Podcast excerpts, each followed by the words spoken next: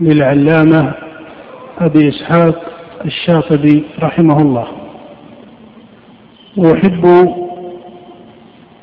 ابتداء من هذا المجلس أن ينتظم الكلام على وجه من ترتيب المسائل حتى يكون ذلك مهيئا لضبط ما يقال وأخذه والنظر فيه.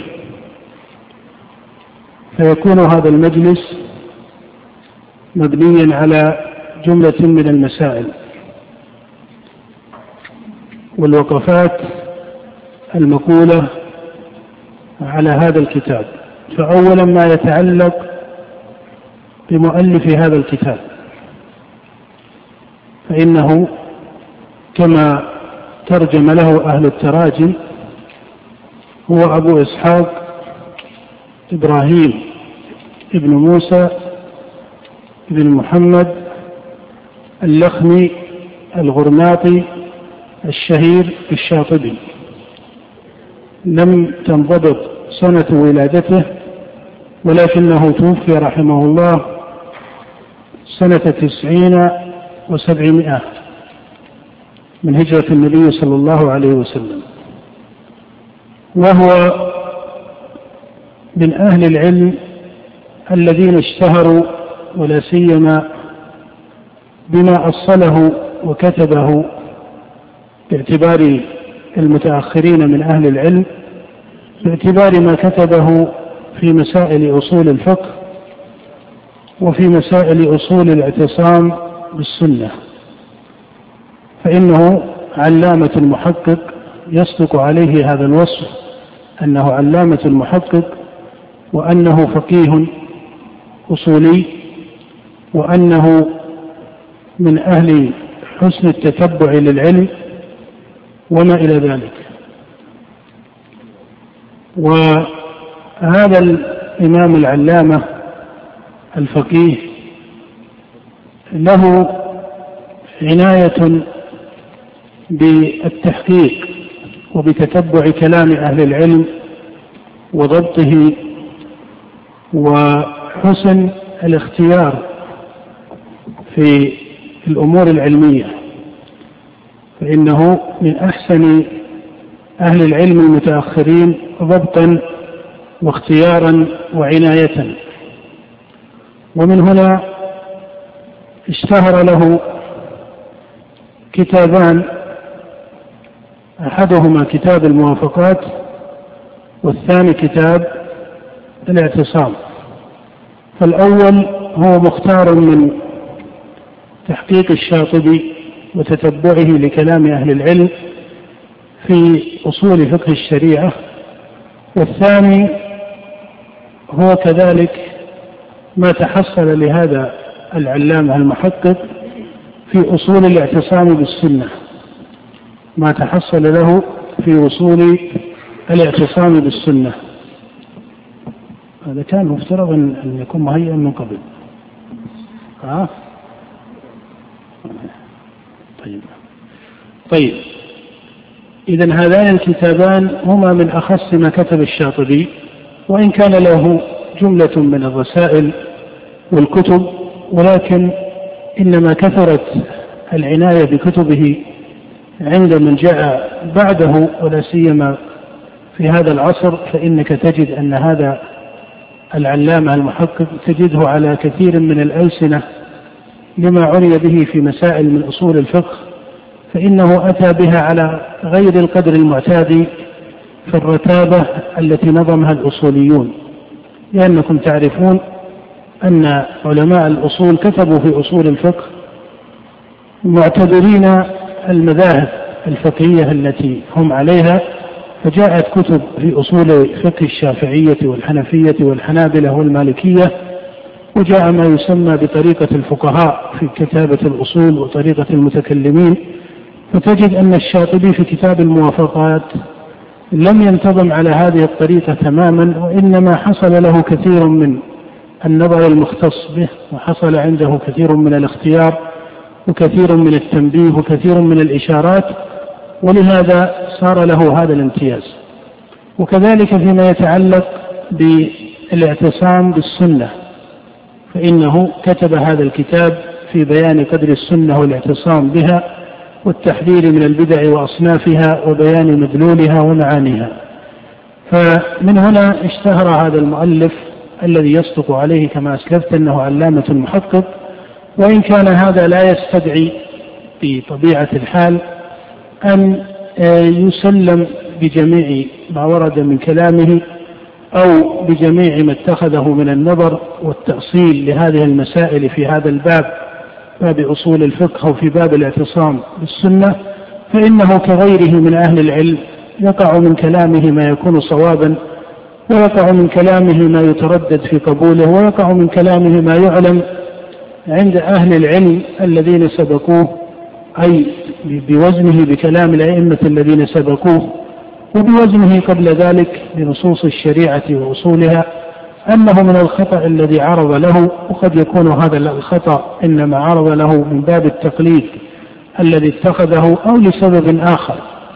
ولهذا أخذ على الشاطبي آه، بعض المآخذ العلمية المحققة ككلامه في مسائل الصفات فإنه اعتبر الطريقة المعروفة عند أهل التفويض وهي طريقة معروفة عن خلق من متكلمي آه، أو من متكلمة الصفاتية المتأخرين. فإن متكلمة الصفاتية الذين لا يقررون مسائل الصفات ولا سيما ما يتعلق بمسائل صفات الأفعال على ما هو معروف عند متقدم هذه الأمة وأئمتها أئمة السلف فإنهم إما أن يعتبروا طريقة التأويل أو يعتبروا طريقة آه، التفويض. فالشاطبي مال إلى طريقة التفويض واعتبرها فله كلام في هذا الباب في باب الصفات لا يسلم له وليس هو مما هو معروف عند أئمة السنة والجماعة. كذلك إذا نظرت في كلام له في مسائل القدر فإنه مال في هذه أو في بعض هذه المسائل من القدر كمسألة التحسين والتقبيح ومسألة الأسباب وما إلى ذلك مال إلى غير المعروف عن سلف هذه الأمة كالأئمة الأربعة وأئمة السنة والجماعة من قبلهم وأولهم أئمة الصحابة رضي الله تعالى عنهم. وله كلام يشتد فيه في تقريره لكثير من مسائل البدع إلى درجة من الازدياد في القطع والازدياد في الحكم فربما كانت المسألة على قدر من الظن وربما كانت المسألة على قدر من الاحتمال يعني في بعض الفروع التي جزم بها أو قطع بها أو غلظ شأنها. فربما كانت المسألة لا تستدعي هذا القطع أو هذا الجزم أو هذا الإصرار أو هذا العزم. فتجد أن الشاطبي ربما كان في حروفه في كلامه في الاعتصام بخاصة أو في الموافقات أحيانا ما هو من التأنيب لغيره. والتعريض بمخالفه تعريضا آه، يباعده عن فهم السنة أو فهم مقاصدها أو ما إلى ذلك. ففي كلامه أحيانا بعض في بعض حروفه بعض العزم والقوة التي ينبغي للناظر في كلامه في كتبه أن ينتبه لها. وربما أخذ بعض الأنواع من الفقهاء أخذا ليس هادئا في أخذه كأخذه للظاهرية فإنه اشتد عليهم في بعض الأحوال اشتدادا ليس بلازم أو ليس بضروري على هذه الدرجة. فعنده نفس من العزم آه، وإن كان هذا ليس غالبا عليه رحمه الله ولكن إنما أذكره وأشير إليه لأن هذا آه، أيها الإخوة هو المقصود في فقه تراجم الأعيان. فإنك إذا عرفت أحد العلماء باسمه واسم أبيه واسم جده فإن كثرة الدخول في اسمه وقبيلته ولقبه وكناه وما إلى ذلك هذه أمور وأين ذهب وأين التقى؟ هذه أمور في الجملة ميسورة وموجودة في كتب التراجم. لكن المهم في معرفة أو الأهم في معرفة الأعيان من أهل العلم هو أن أن أن تعرف آه، آه، طبيعته العلمية وما هو عليه من الحالة العلمية الممثلة لكلامه ولكتاباته التي كتبها في مؤلفاته. فإذا هو علامة محقق هو فقيه هو أصولي هو من أجود المتأخرين تتبعا لكلام أهل العلم وأوتي ذكاء وحسن التقاط فإنه أخذ أطرافا من الكلمات المحققة التي نطق بها السالفون من قبله.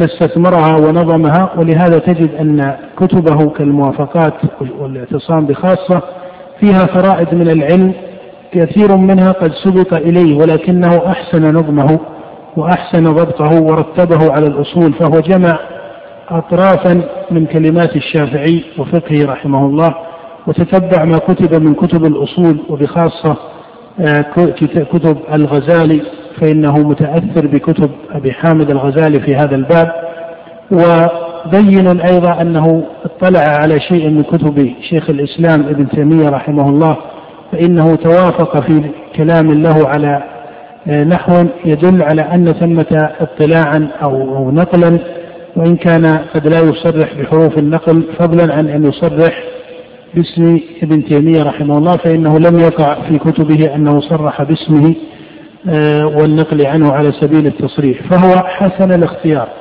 هذا هو المقصود. ليس بالضرورة أن نقول إنه تأثر بفلان أو فلان إنما المقصود أنه فاضل الاختيار من كلام أهل العلم. وهذه الميزة التي تحصلت للشاطبي أوصي طلبة العلم أن يعنوا بها ولا سيما في هذه العصور. لماذا؟ لأن العلم علم الشريعة بوجه عام سواء ما كتب في العقائد أو في الفقه أو في أصوله أو في التفسير أو في غير ذلك تعلمون أنه كتبت جملة من الكتب بالمئات بل بالآلاف. آه، وإذا نظرت كتب الفقهاء وجدتها عددا طويلا وإذا نظرت كتب التفسير وكتب السلوك والعقائد إلى آخره. لكن لنا أن نقول إنه في كل فن من هذه الفنون التي سميت بهذا الاصطلاح هناك كتب محققة بمعنى أنها كتبها علماء محققون واعتنوا بكتابتهم لها. ولهذا لو أن طالب العلم اختار سلسلة من الكتب العلمية التي تعتبر أصولا محققة في هذه العلوم وأكثر النظر فيها والتأمل لتحصل له كثير من التحقيق والعلم والانضباط. فإنك إذا جئت كتب المفسرين مثلا فإنك تقبل مثلا ابتداء على كتاب أبي جعفر الطبري.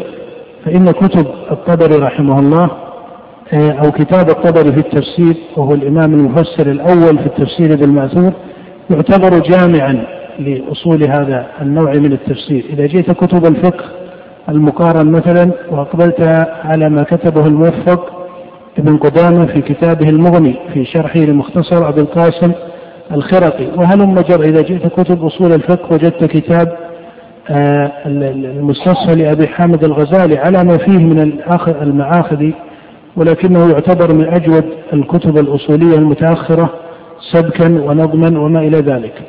فينصح طالب العلم بتتبع كلام المحققين.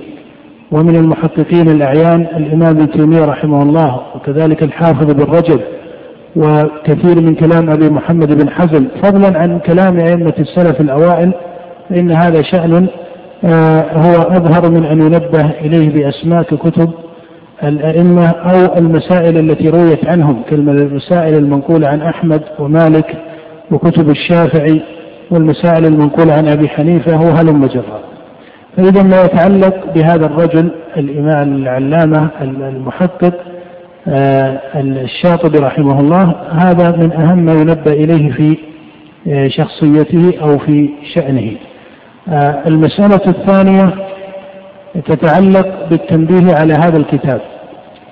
فهذا الكتاب كما ترى في اسمه هو كتاب الاعتصام. كتبه الشاطبي رحمه الله ليبين فيه الأصول العلمية التي انتهى إليها في فقه الاعتصام بالسنة والتباعد عن البدعة. ابتدأه بمقدمة فيها ذكر الله وحمده سبحانه وتعالى ثم بعد ذلك ذكر مقدمة بعد حمد الله والصلاة على نبيه صلى الله عليه وسلم ذكر مقدمة ساق فيها الآثار النبوية الواردة في غرابة هذا الدين في ابتدائه وأنه سيعود غريبا كما بدأ. وهذا جاء كما تعلم في صحيح مسلم وجاء في السنن والمسند من غير وجه عن النبي صلى الله عليه وسلم ومن ذلك ما رواه ابن عمر أن النبي صلى الله عليه وسلم قال إن الإسلام بدا غريبا وسيعود غريبا كما بدأ وهو يأرز بين المسجدين كما تأرز الحية في جحرها أو قال إلى جحرها. وجاء في الرواية الأخرى أن الإسلام بدأ غريبا وسيعود غريبا كما بدأ فطوبى للغرباء. ثم ثمة أحرف مروية في السنن وغيرها في صفة هؤلاء الغرباء. وذكر حديث الافتراق الذي جاء من رواية أبي هريرة وله شاهد أو شواهد من آه، رواية بعض الصحابة في مسند الإمام أحمد والسنن أن النبي صلى الله عليه وآله وسلم قال افترقت اليهود على 71 فرقة وافترقت النصارى على 72 فرقة وستفترق هذه الأمة على 73 فرقة. وما جاء في الصحيح في قوله عليه الصلاة والسلام لتتبعن سنن من كان قبلكم إلى آخره. فنبه في هذه المقدمة على غرابة هذا الدين في آخر أمره كما كان غريبا في أول أمره. ثم بعد هذه المقدمة التي نبه فيها إلى هذه الأمور ذكر أبوابا عشرة. ذكر أبوابا عشرة تحت كل باب بعض الفصول وربما جعل تحت بعض الفصول ما هو من الفروع لهذا الفصل. بدأ ذلك بتعريف البدعة وانتقل بعد ذلك إلى سلسلة من الأحكام. ولهذا هذا المجلس يعتبر مقدمة وقراءة في هذه المسائل التي أشرت إليها وستكون الطريقة إن شاء الله تعالى أننا في كل مجلس نعلق على باب من الأبواب العشرة فنأخذ ذلك بعشرة آه، مجالس ثم بقية الأيام التي تبقى ربما يبقى يومان أو, أو ثلاثة هذه نجعلها جملة من النتائج العلمية التي نخرج بها أو خرجنا بها أو نحاول أن نخرج بها من هذه القراءة العلمية لكتاب الشاطبي. فإذا هذا المجلس الأول بعده عشرة مجالس حسب أبواب الكتاب فإنه على عشرة أبواب. ثم بعد ذلك الاستكمال في استخلاص أهم النتائج التي آه، نحاول أن نخرج بها من قراءة هذا الكتاب. فهذا هو الشكل العام لنظام الكتاب. أما في محتوى الكتاب ومعنى الكتاب فإنه كما ترى كتبه في أصول الاعتصام بالسنة. هناك مقصود بسيط في التعبير يمكن أن يعبر عنه ما فكرة الكتاب أو معنى الكتاب عند الشاطبي. معناه أنه يريد أن يبين لك الأصول التي بها تعرف أن هذا الأمر قولا أو فعلا أو منهجا أنه سنة أو أنه بدعة فهو حاول في هذه الأصول العشرة أو الأبواب العشرة أن يفكك هذه المعاني وأن يخرج بضوابط وبنتائج علمية يراها آه، مناسبة لتحديد ذلك. هو يحتاج بطبيعة الحال إلى جملة من المقدمات كعنايته بفضل السنة والدعوة إليها والتحذير من البدع والآثار في ذلك فيجعل هذه مقدمات علمية ليخرج بعد ذلك في تعريفه للسنن وتعريفه للبدع وأقسام البدع وأسباب ذلك وما إلى هذا. فهذا هو المعنى الذي تضمنه الكتاب بشكل كلي أو بشكل مجمل. الكتاب بطبيعة مجملة أو بطبيعة كلية هو في تقرير أصول علمية يضبط من خلالها الناظر في الكتاب الفرق بين السنة وبين البدعة. ومتى يكون هذا القول أو هذا الفعل أو هذا المنهج أو هذا هذه الطريقة متى تكون سنة ومتى تكون بدعة. فإذا الكتاب كما تلاحظون يعطي نظرية آه، في أمر يعد من الكليات العلمية وليس هو يتكلم عن يسير من المسائل أو أطراف من المسائل فهو يعتبر رسما فاصلا في نظريته بين السنة وبين البدعة. هذه المحاولة العلمية أو النظرية العلمية المحققة التي كتبها الشاطبي وأنا ربما تلاحظون أننا نقول المحاولة والنظرية ومع ذلك نصفها بأنها محققة لأننا يجب أن نكون فقهاء فيما نقرأ وفيما ننظر فيه. هي نسميها محاولة لأن الشاطبي جمع كثيرا منها من أطراف من كلام أهل العلم استقرأ النصوص الواردة من الكتاب والسنة وخلص منها جملة من النتائج العلمية التي وصل إليها. فإذا هذا الكتاب يعد نتيجة استقراء من الشاطبي رحمه الله. استقراء أولا للنصوص فهو حسن الاستقراء. استقراء لكلام أهل العلم ولا سيما الذين اشتغلوا بهذا الشأن أو عرفوا بالتحقيق في هذا الشأن. فإذا هذه محاولة علمية لا بد أن تكون على هذه الدرجة. هي نظرية علمية. لماذا نقول نظرية أو نقول محاولة؟ حتى لا يكتسب هذا الكتاب وهذه مسألة أحب أن أؤكدها حتى لا يكتسب هذا الكتاب القطعية المطلقة. حتى لا يكتسب هذا الكتاب القطعية المطلقة. هذا كتاب أصل كتاب جيد كتاب متميز في بابه يعد من أجود وأفضل الكتب التي وصلت إلينا في هذا الباب.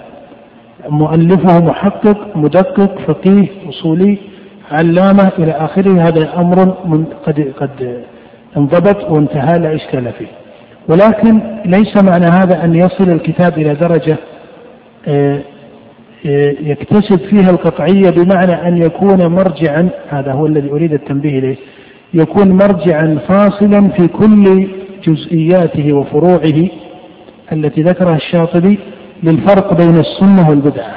هو ليس من الفاضل أن نأخذ الكتاب على أنه ميزان مطلق لأنه لا يوجد كتاب يعد ميزانا مطلقا إلا كتاب الله جل وعلا وكذلك ما حفظ من سنة النبي صلى الله عليه وسلم فإن كلام الرسول عليه الصلاة والسلام لا شك أنه ميزان يعرف به الحق من الباطل. أما هذا الاجتهاد الذي اجتهده الشاطبي فهو اجتهاد فاضل هو اجتهاد شريف هو اجتهاد متين هو اجتهاد محقق. لا شك أن جملة من الأصول التي ذكرها أصول قطعية معلومة من الدين بالضرورة. هناك أصول أيضا قطعية معلومة بالإجماع. لكن له بعض المسائل؟ يعني لا نريد أن نعطي هذا الكلام لكل فصول الكتاب ولكل مسائل الكتاب لا هناك جملة من مسائل هذا الكتاب قطعية معلومة من الدين بالضرورة أحيانا معلومة بالإجماع. أي أيضا آه، قد انضبطت عند الأئمة أئمة أهل السنة والجماعة كالأئمة الأربعة وأمثالهم ومن قبلهم من أئمة الصحابة لكن يبقى بعد ذلك أن ثمة أوجه من الاجتهاد إن صح التعبير أو من تخليص النتائج التي لخصها الشاطبي إما فهما في النصوص وإما إيش؟ إما فهما في النصوص وإما التقاطا من كلام العلماء المحققين وصل بها إلى جملة من الأحكام أو جملة من المقولات أو جملة من الحروف فلا يلزم أن هذا الكتاب يكون على هذا الإطلاق فإذا النظرة العادلة لهذا الكتاب هو أنه كتاب محقق متين التعبير ولكن يبقى بعد ذلك أنه قد تفوته بعض الحروف تفوته بعض الكلمات بمعنى أنه يأخذ بالأخير درجة آه، معينة وهو أنه ينقسم إلى قسمين. فهنا جملة من مسائل الكتاب تكتسب الصواب القطعية. لماذا؟ لأنها أصول معلومة بالمتواتر من النصوص وأصول معلومة بالإجماع. هنا قسم آخر من الكتاب هو جملة من الاجتهادات التي حاولها الشاطبي لا تصل إلى هذه الدرجة ولكنها اجتهادات فاضلة حتى لو أخذ بها فيؤخذ بها على أنها نمط من أنماط الاجتهاد. فإذا ليس بالضرورة أن كل جزئيات الكتاب تكون على هذا القبول بل كما أسلفت هناك بعض الأمور التي ينبأ إليها في هذا الكتاب كمسائل تتعلق بالصفات أو مسائل تتعلق ببعض الجوانب التي أشرت إلى أن الشاطبي رحمه الله لم يكن موافقا للمأثور عن سلف هذه الأمة في هذه المسائل. فإذا هذا ما يتعلق بتقييم هذا الكتاب وإن كان ليس ربما من من الفاضل أن نتكلم بكلمة تقييم لكن لكون هذا الكتاب أصبح اليوم على ألسنة طلبة العلم بكثرة وعني به آه، الإخوة الذين يعنون بتتبع منهج السلف وما إلى ذلك. فهذه العناية بشكلها العام عناية فاضلة. العناية بقصد آه، السنة والبعد عن البدعة بل هذه عناية واجبة. كما نعرف فإنه يجب على المسلمين أن يقصدوا إلى سنة نبيهم صلى الله عليه وسلم وإلى هديه وأن يلتزموه ظاهرا وباطنا وأن يتجانبوا البدع والمحدثات في الدين وأن يلتزموا ما كان عليه سلف هذه الأمة من أئمة الصحابة الذي مضى الإجماع فيه. لكن تعرف أن ضبط هذه المسائل. متى يقال إن هذا القول بدعة أو إن هذا الفعل بدعة وهذا من السنة أو ليس منها. هذا تارة يكون منضبطا بينا وتارة يدخله قدر من إيش؟ قدر من الاجتهاد قدر من اختلاف الرأي بين أهل العلم فلا بد من اعتبار هذا في هذا الكتاب. إذا هذا الكتاب هو على هذه الدرجة من الوسطية في النظر إليه. من الوسطية في النظر إليه فهو كتاب محقق ولكنه ليس كتابا نهائيا في هذا الباب.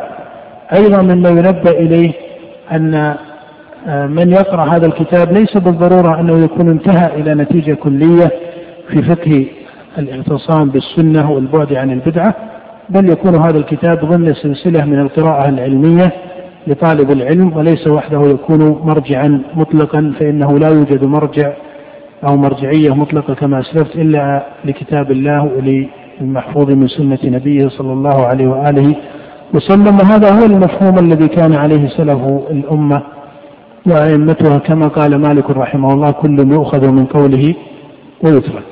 فإذا هناك ربما بعض ما يسمى آه، متروكا بل هناك ما هو يترك من كلام آه، الشاطبي رحمه الله خاصة ما يتعلق بمسائل القدر والصفات التي لم يكن على معرفة أو على ضبط للمأثور عن أهل السنة المتقدمين فيها وإنما آه، جرى على تقليد بعض المذاهب المتأخرة من مذاهب المتكلمين وإن كانوا ينتسبون إلى السنة والجماعة انتسابا فهذه مسألة أخرى.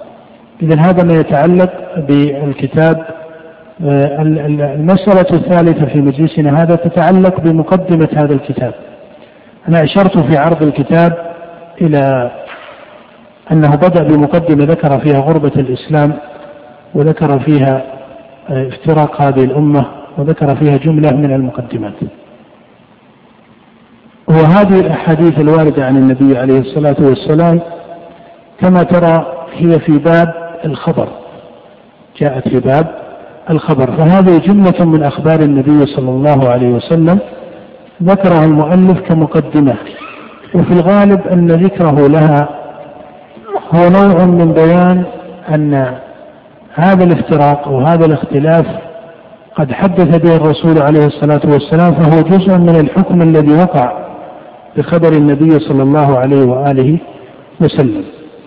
وهذه العناية التي ابتدأ الإمام الشاطبي بها في مقدمته لكتابه هي في الجملة عناية جيدة ولكن تحتاج من طالب العلم إلى أن يكون فقيها في قراءته لها هذا الفقه أنبه إليه فيما يأتي إن شاء الله تعالى من المسائل لكن بوجه عام مقدمته ليست مقدمة مطولة بل هي مقدمة مختصرة ذكر فيها هذه الجملة من الآثار. وأشار الشاطبي في هذه المقدمة إلى أنه لمنهجه الذي قصد إليه وهو قصد شريف فاضل أعني القصد إلى السنة واتباعها والبعد عن البدعة قال إنه استعدي عليه ورمي ببعض التهم فرمي بأنه رافضي لأنه لم يرى الدعاء للخلفاء الراشدين على البدعة على المنبر. وهذه من الجزئيات لعلها مثال لعلها مثال لأن بعض الفقهاء المتأخرين قالوا أن ذكر الخلفاء الراشدين في منبر الجمعة بالترضي أو تخصيصهم بالترضي في منبر قالوا هذا بدعة لأنه لم يكن موجودا في زمنهم. هذا المثال الذي عرض الشاطبي لذكره يصلح أن يكون مثالا لنا فيما نقول إنه من إيش؟ أي الأقسام من الكتاب؟ القسم الأول أو الثاني؟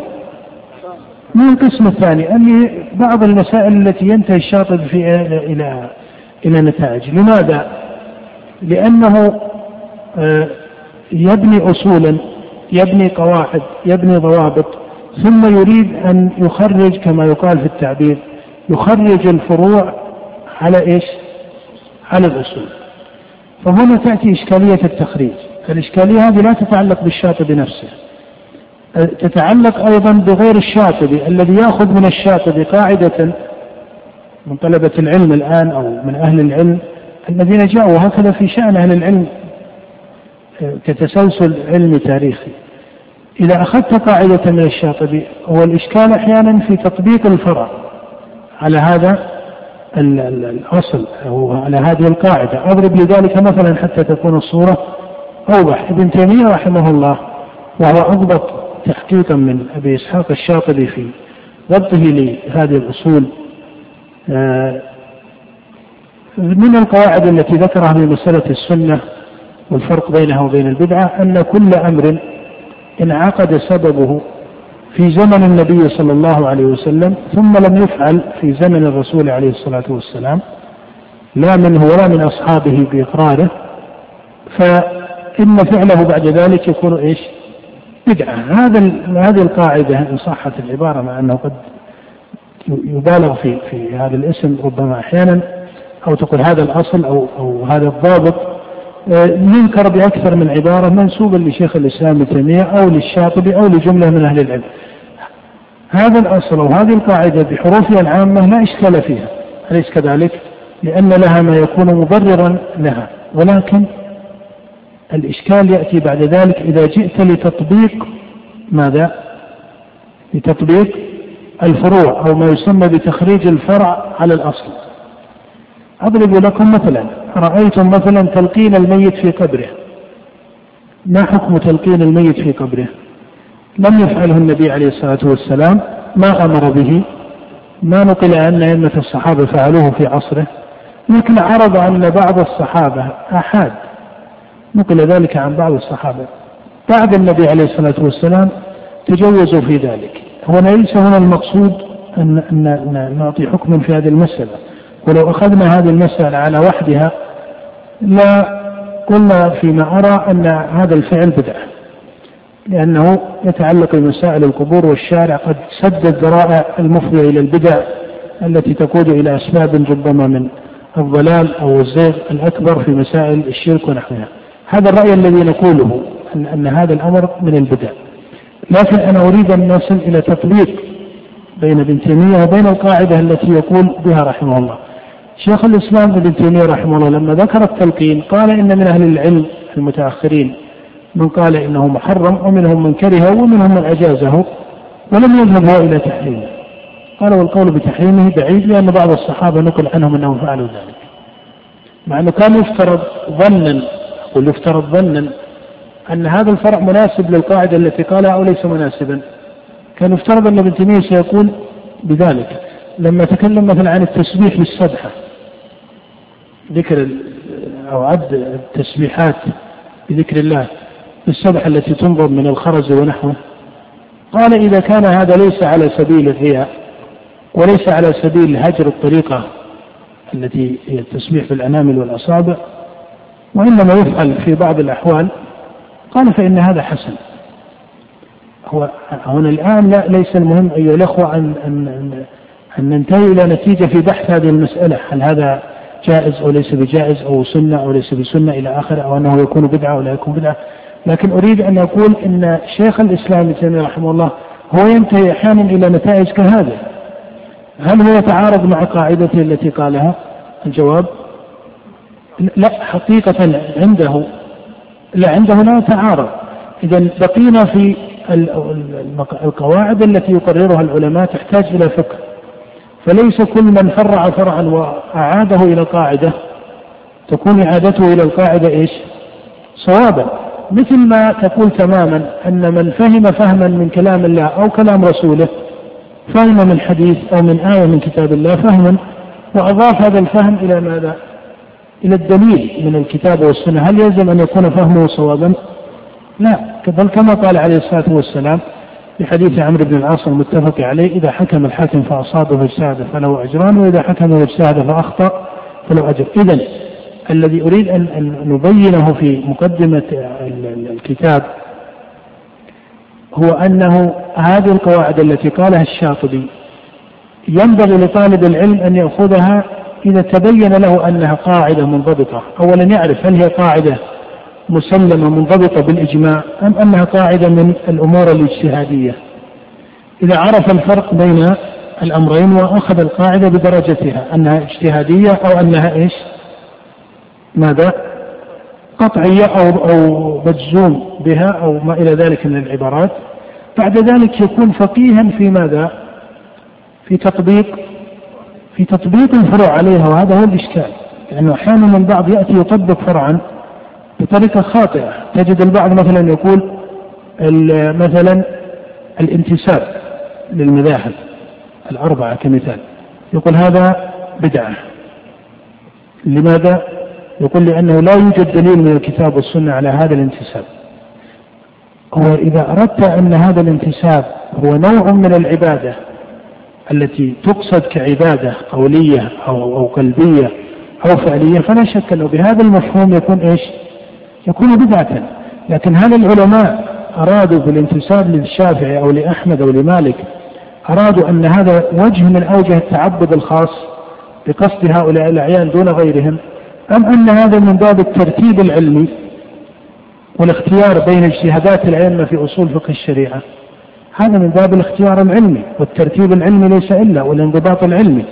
ولهذا تجد أن الحنبلي يجري على أصول الحنابلة وفقههم والشافعي كذلك.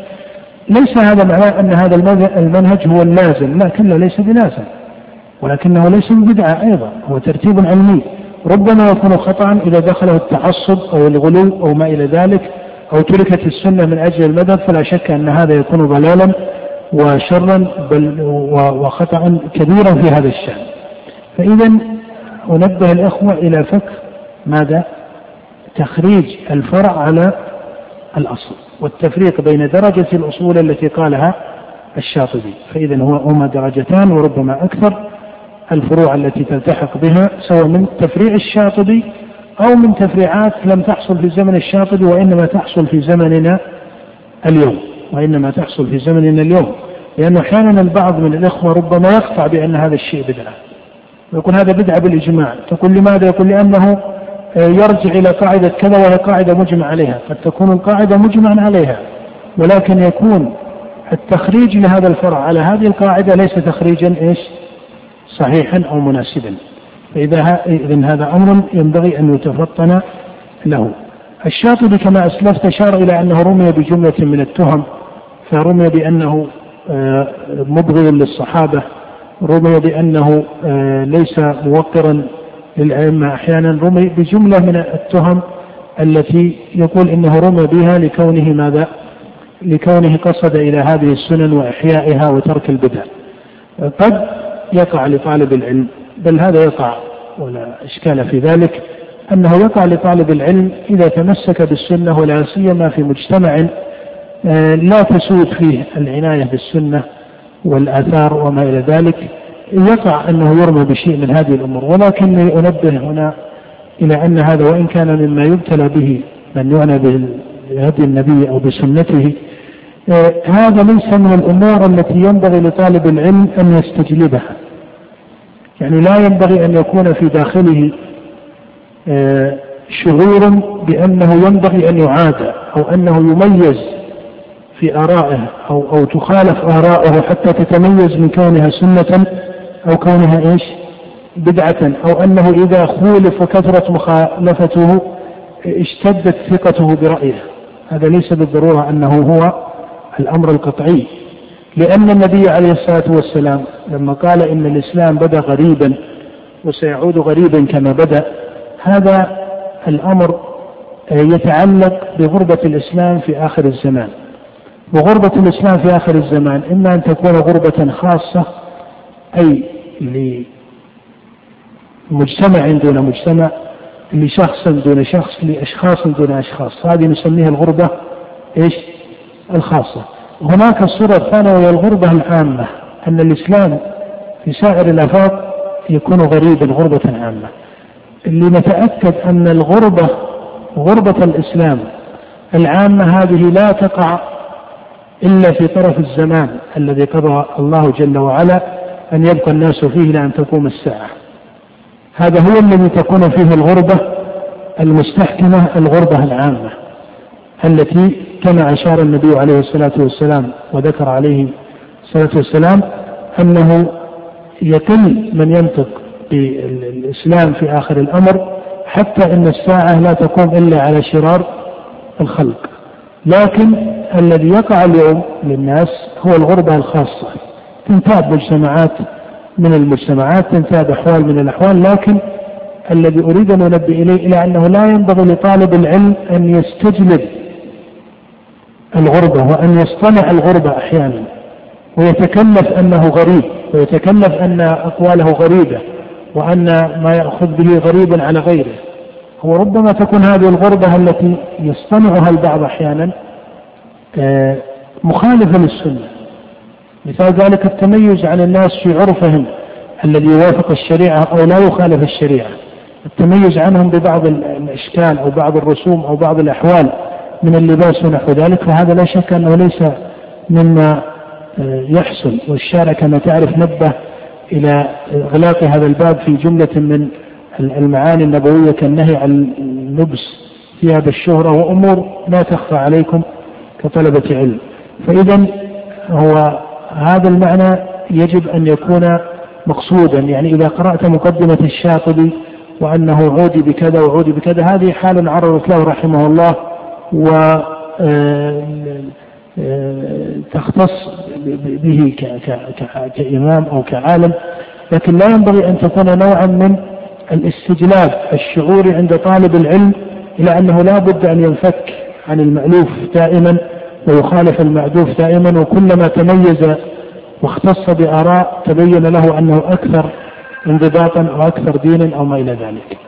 إنما يكون ميزانه في هذا الحق وإلا لا شك أن آخر هذه الأمة سيكون فيها غربة كما قال عليه الصلاة والسلام وسيعود غريبا كما بدأ. بل قال في حديث عبد الله بن عمرو في صحيح مسلم وإن أمتكم هذه جعل عافيتها في أولها وسيصيب آخرها بلاء وإيش؟ وأمور تنكرونها إلى آخر سياق حديثه عليه الصلاة والسلام.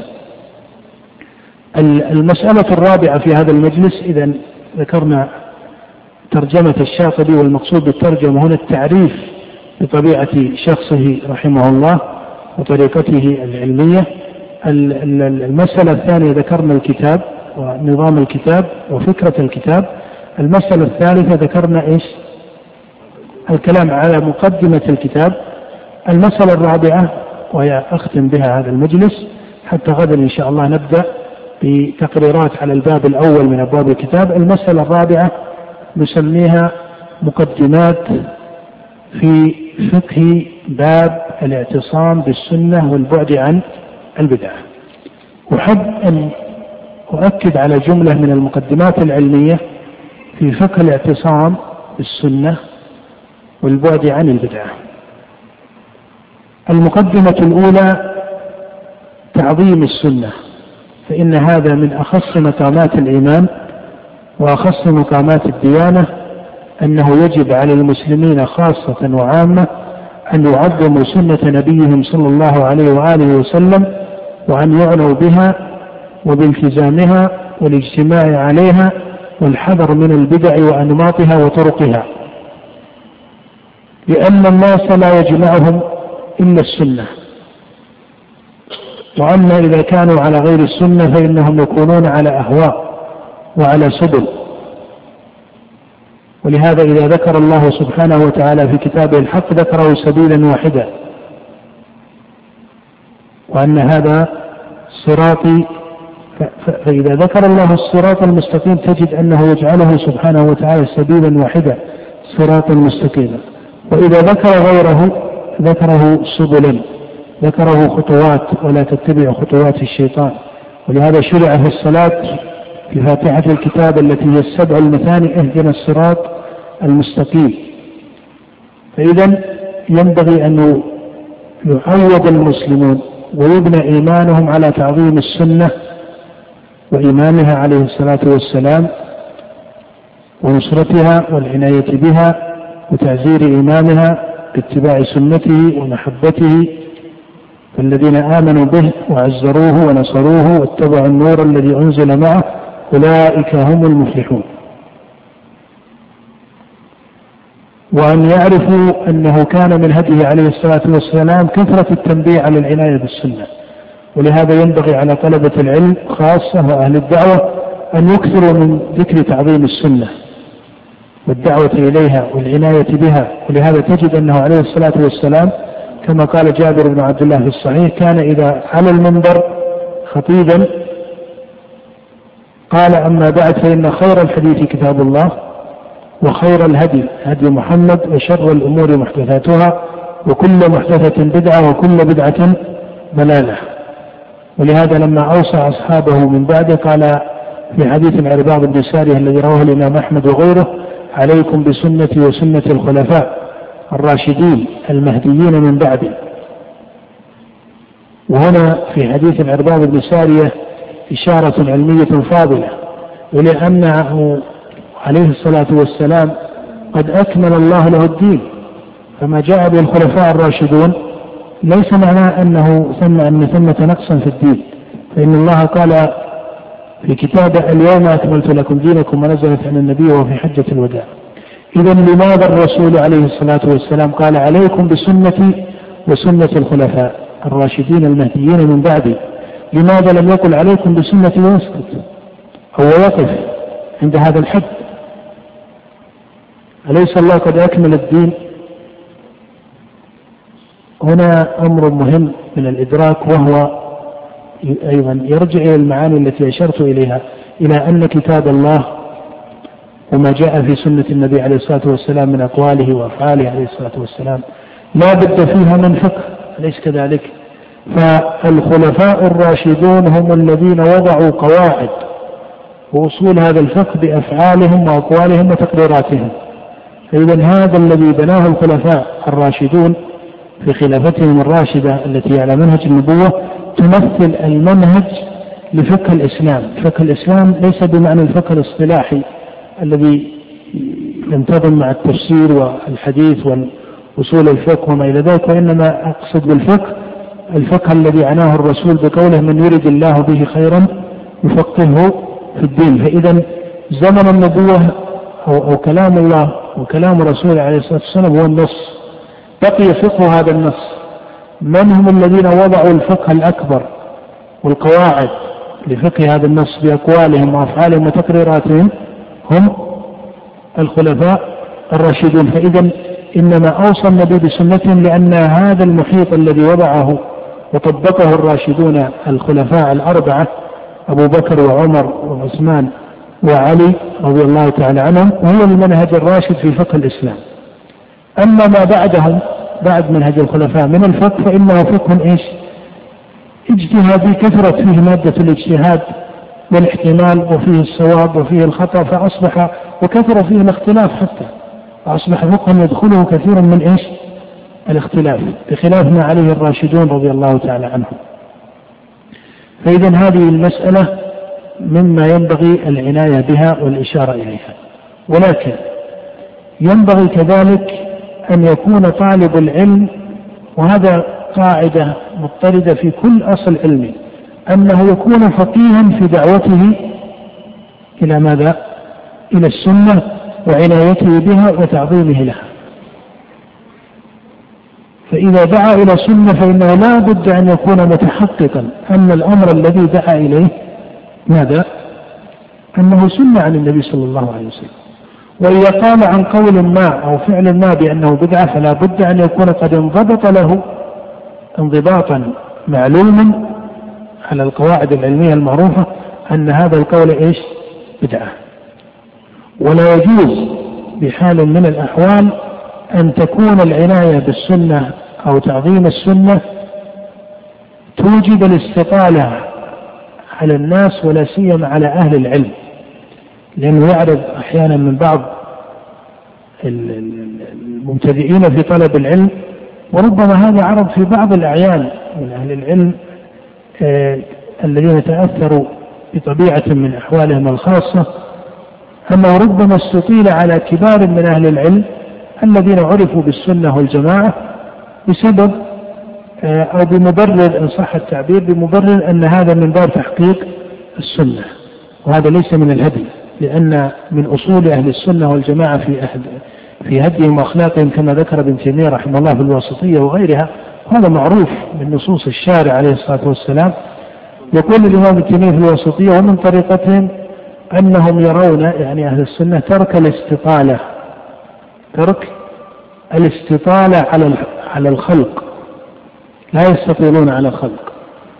ولهذا ليس من خلق المؤمن أن يكون نابزا وأن يكون سابا وأن يكون لعانا وأن يكون شاتما وما إلى ذلك قالوا من طريقة أهل السنة أنهم يرون ترك الاستطالة على الخلق قال بحق أو أو بغير حق يعني حتى إذا كان الحق معك فإن العدل يكون ماذا؟ إيش؟ واجبا ولا تجوز الاستطالة لأن من تعود الاستطالة في لسانه والبداء في لسانه بحجة الدفاع عن السنة فهذا ليس منهجا على منهج النبوة.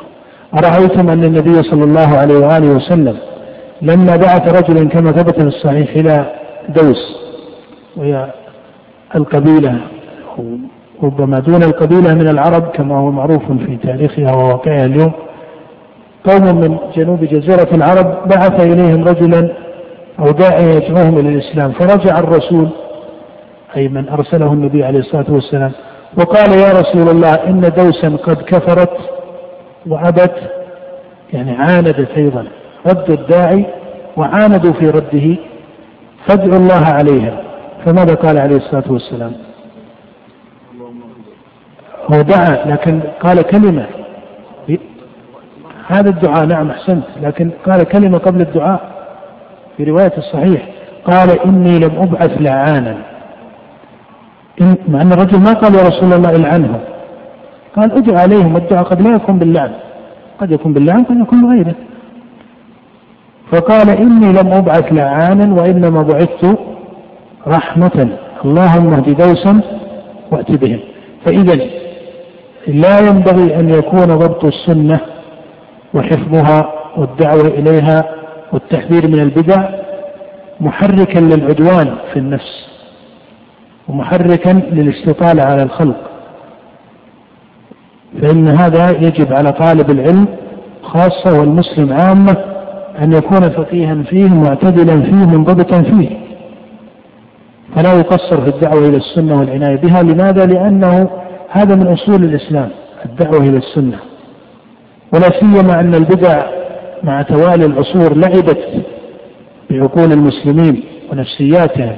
وأنتم ترون الآن كثيرا من عوام المسلمين وسوادهم عافت فيهم الخرافات والأساطير والخزعبلات والأوهام وظلوا في مسائل من الشريعة ووقعوا في أنماط ربما من الضلال أو ربما من الشرك عن التوحيد.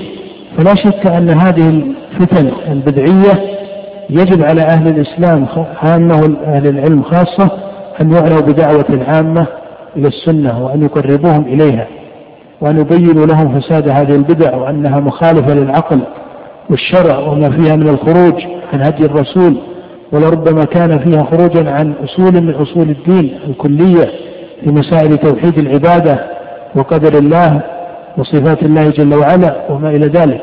فهذه لا ينبغي التساهل فيها لأن الخرافة اليوم نشاهدها قد عفت في كثير من عقليات وسواد المسلمين ولا سيما العوام وأصبحوا يفعلون افعالا منكرة في شريعة الله بل ومنكره حتى في العقل وفي الفطرة. العناية بالسنة هذا اصل من أخص أصول الإيمان بالله ورسوله. ولكن يجب أن يكون ذلك على منهج الرحمة والعدل والفقه والوسطية التي قالها الشارع عليه الصلاة والسلام. وكذلك جعلناكم أمة وسطا لتكونوا شهداء على الناس. إلا من شهد بالحق وهم وهم يعلمون. ولهذا قال الإمام ابن تيمية رحمه الله لا بد لمن تكلم في أحد من الأعيان أن يجتمع فيه شرطان. الشرط الأول أن تكون نيته صالحة. ما قصد بذلك أنه فرح بخطأه أو في نفسه عليه شيء فلما أخطأ خطأ أراد أن يشهر به تحت مبرر هذا الخطأ. لا بد أن تكون النية خالصة لوجه الله. الثاني أن يكون بعلم بين فلا يتكلم في الناس بماذا؟ بجهل أو حتى بظن. لأن المؤمن لا يتبع الجهل ولا يتبع الظن وإنما الظن هو طريق أهل الأهواء إن يتبعون إلا الظن وما تهوى الأنفس ولقد جاءهم من ربهم الهدى. وإذا لم يكن عندك علم في هذا المعين أو في هذا الفعل فإن السكوت هو الواجب ولا تكف ما ليس لك به علم. إن السمع والبصر والفؤاد كل أولئك كان عنه مسؤولا. فإذا ننبه إلى هذه الأصول العلمية. المقدمة الثانية حتى نختصر ضبطا للوقت المنظم عند الإخوة. المقدمة الثانية العناية بفقه الاستقراء كيف تفقه السنة؟ وامتيازها عن البدعة. نعم هذا الكتاب الذي نحن بصدد النظر فيه والقراءة العلمية العامة الموضوعية فيه كتاب الشاطبي ما كتبه علماء آخرون آه الكتب التي تعنى بضبط هذه المسائل هذا نوع من الفقه يحتاج إليها طالب العلم. ولكن الفقه للسنة وامتيازها عن البدعة وأحكام هذا الباب إذا أردت تحصيله على سبيل الضبط والتحقيق فإن هذا لا يكون إلا بالاستقراء. استقراء ماذا؟ أولا استقراء نصوص الكتاب والسنة. سعة النظر في النصوص. خاصة نصوص الكتاب ثم بعد ذلك نصوص السنة التي وصلت القرآن وبينت أحكامه. ومما يشار إليه اليوم أن العناية بفقه القرآن يأتي أحيانا على فقه معاني الكلمات.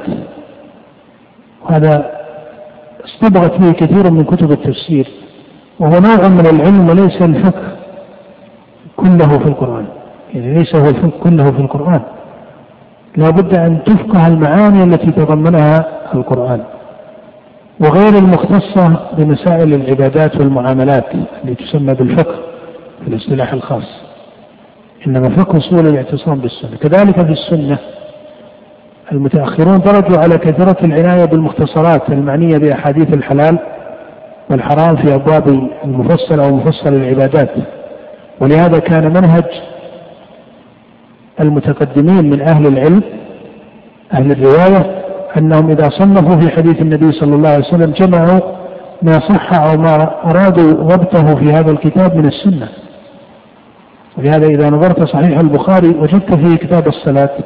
وكتاب الزكاة ولكن تجد فيه كتاب الإيمان وتجد فيه كتاب التوحيد وتجد فيه كتاب الاعتصام بالسنة فلا بد أن يكون طالب العلم على استقراء للنصوص وتأمل فيها. اثنين أن يكون مستقرئا لكلام العلماء. العناية بفقه الاستقراء هذا هو الفقه الذي يحصل به لطالب العلم الضبط العلمي لهذا الباب لأن هذا الباب أيها الإخوة باب شديد شأنه لأن فيه حكم على المسائل بأن هذا من السنة أو هذا من البدعة وتعرف أن هذا أمر ليس باليسير ولهذا لا بد أن طالب العلم يكون على فقه واسع. وأنت تعلم أنك إذا أخذت كتابا واحدا مثل كتاب الشاطبي فهذا يسهل على كل طلبة العلم من صحة العبارة يسهل على أي طالب علم أنه يجلس شهرا أو شهرين أو أقل من ذلك أو أكثر من ذلك ويقرأ هذا الكتاب إلى إيش؟ أن أن يختمه وربما لخصه في أوراق أو في جملة من الأوراق فهل معنى هذا أنه فقه هذا الأصل الكبير الفرق بين السنة والبدعة والاعتصام بها والمسائل لا أنا أقول لا يوجد كتاب على الإطلاق من كتب أهل العلم إذا قرأته تكون انتهيت إلى نتيجة إيش؟ إلى نتيجة نهائية أو إلى نتيجة مفصلة. لا يعدو أن يكون هذا الكتاب مع قدره وشرفه وتحقيق مؤلفه كتاب من أهم الكتب في هذا الباب ولكنه ليس الكتاب الواحد وليس هو الذي يحصل به الضبط لهذا الباب. بل ضبط هذا الباب لا بد أن يكون بالاستقراء. استقراء نصوص الكتاب والسنة استقراء كلام العلماء. ولا سيما السابقين من أئمة هذه الأمة وفقهائها ومحدثيها وما إلى ذلك. وأنا دائما أوصي طلبة العلم بأمرين أن يعنوا بالاستقراء وأن يعنوا بالتقاط كتب المحققين من أهل العلم. فإذا كان طالب العلم على هذه العناية يعنى باستقراء النصوص يعني إنسان يتكلم في مفاصل السنة والبدعة وتمييز السني من البدع وما إلى ذلك وربما تكلم في أحكام مغلظة في في هذا القول أو هذا الفعل أو هذا القائل أو هذا الفاعل. هذا لابد أن يكون عارفا بكلام الله وإيش؟ ورسوله عليه الصلاة والسلام. وربما تفاجأت أنه ربما ما استكمل صحيح البخاري أحيانا قراءة. فضلا عن حفظه فأقل ما يكون لطالب العلم أنه يتأمل في كتاب الله كثيرا ويقرأ في تفسيره ويقرأ في سنة النبي ولا سيما الجرد المتأمل في كتب السنة المشهورة وأخصها الكتب التسعة الصحيحان والسنن والمسند والدارمي يعني سنن الدارمي وموطأ الإمام. مالك يعني لابد أن طالب العلم يقرأ دواوين الإسلام. مع الأسف اليوم هناك أحكام بالقوة أحكام. وما في خلفية لهذه الأحكام.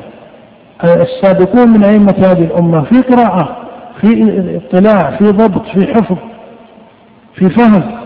ومع ذلك الأحكام تأتي بنوع من التردد نوع من الهدوء نوع من طبعا لا نريد أن نشكك دائما في الأمور. ليس ليس من العقل ولا من العلم ولا من الشرع أن طالب العلم دائما يكون مترددا. بل لا شك أن ثمة مسائل يجب ماذا؟ القطع والجزم بها حتى في مسائل الفقه. أنت إذا قرأت في مسائل الإمام أحمد لا نقرأ مسائل الإمام أحمد التي جمعها أبو داود وعبد الله وما إلى ذلك من كبار أصحابه. هناك جزء فيها المسائل التي توقف فيها الإمام أحمد. مو مسائل فقهية توقف الإمام أحمد فيها. لكن هل التوقف هذا ميزة دائما؟ أو قيمة علمية دائما؟ لا. هناك جزء مسائل جزم بها الإمام أحمد. هناك جزء بالمقابل أكثر من ذلك مسائل حلف الإمام أحمد عليها. يعني هناك جزء المسائل التي حلف عليها الإمام أحمد. يعني يسأل يا أبا عبد الله تذهب إلى كذا فيقول إي والله. فسماها بعض الأصحاب المسائل التي إيش؟ حلف عليها الإمام أحمد. إذا طالب العلم لا بد أن يكون مقدرا لدرجات المسائل واسع الفقه والاستقراء. المقدمة الثالثة أن يعرف طالب العلم أن ما جمع في هذا الباب أن يعرف طالب العلم أن ما جمع في هذا الباب سواء في كلام الشاطبي أو كلام غيره من أهل العلم أن يعرف طالب العلم أن ما جمع في هذا الباب سواء في كلام الشاطبي في الاعتصام أو في كلام آحاد العلماء هكذا تكون العبارة أدق أو في كلام آحاد العلماء مما سمي أصلا أو قاعدة أو ضابطا أو حدا في معرفة السنة وأصولها والبدعة وأحكامها فإنه ينقسم إلى قسمين في الجملة. قسم منه يعلم أنه منضبط بالنصوص أي بدلالة النصوص وبإجماع أهل العلم عليه. وبإجماع أهل العلم عليه. وقسم منه هو نوع من الاجتهاد. وقسم منه هو نوع من الاجتهاد. الذي يدخله الصواب وإيش؟ والخطأ. باعتباره نظرا علميا لأحد من أهل العلم. باعتباره نظرا علميا لأحد من أهل العلم. فليس كل من سمى كلامه الذي وصل إليه أصلا أو قاعدة أو ما إلى ذلك من التعبيرات يلزم أن يكون إيش؟ يلزم أن يكون ماذا؟ يلزم أن يكون كذلك بل لا بد أن يوزن هذا بالاستقراء في نصوص الكتاب والسنة في كلام أهل العلم السابقين إن يتبين أنه إجماع وأنه منضبط صح أن يكون كذلك وإلا أصبح ماذا؟ وإلا أصبح نوعا من الاجتهاد. ثم بعد ذلك يشار إلى فقه تخريج الفروع على هذه الأصول بدرجاتها. فالمخرج على الظني ليس كالمخرج على القطعي. والمخرج على القطعي لا يلزم أن يكون ضرورة بدرجته لأنه قد يختلف الناظرون من أهل العلم في مناسبة هذا الفرع لهذا لهذا الأصل. وهذا المعنى أشرنا إليه في أوائل الكلام. هذه هي المقدمة الثالثة. المقدمة الرابعة والأخيرة تتعلق بفقه الفرق بين أو تكون تتعلق بحكم الجمع والفرق بين الحكم القدري والحكم الشرعي. تتعلق بفقه الجمع والفرق بين الحكم القدري والحكم الشرعي. من هدي أهل السنة والجماعة العناية بالجمع بين الشرع وإيش؟ والقدر وأن القدر ليس حجة على إسقاط الشرع. هذا أمر معروف وإنما احتج بالقدر على إسقاط الشرع أهل الإشراك الذين قالوا كما ذكر الله عنهم لو شاء الله ما أشركنا. فهذا جمع بين الشرع والقدر. ولكن ثمة فرق بين الحكم القدري والحكم الشرعي. ولهذا ليس كل ما أراده الله قدرا يكون أراده وأحبه شرعا كما هو معروف.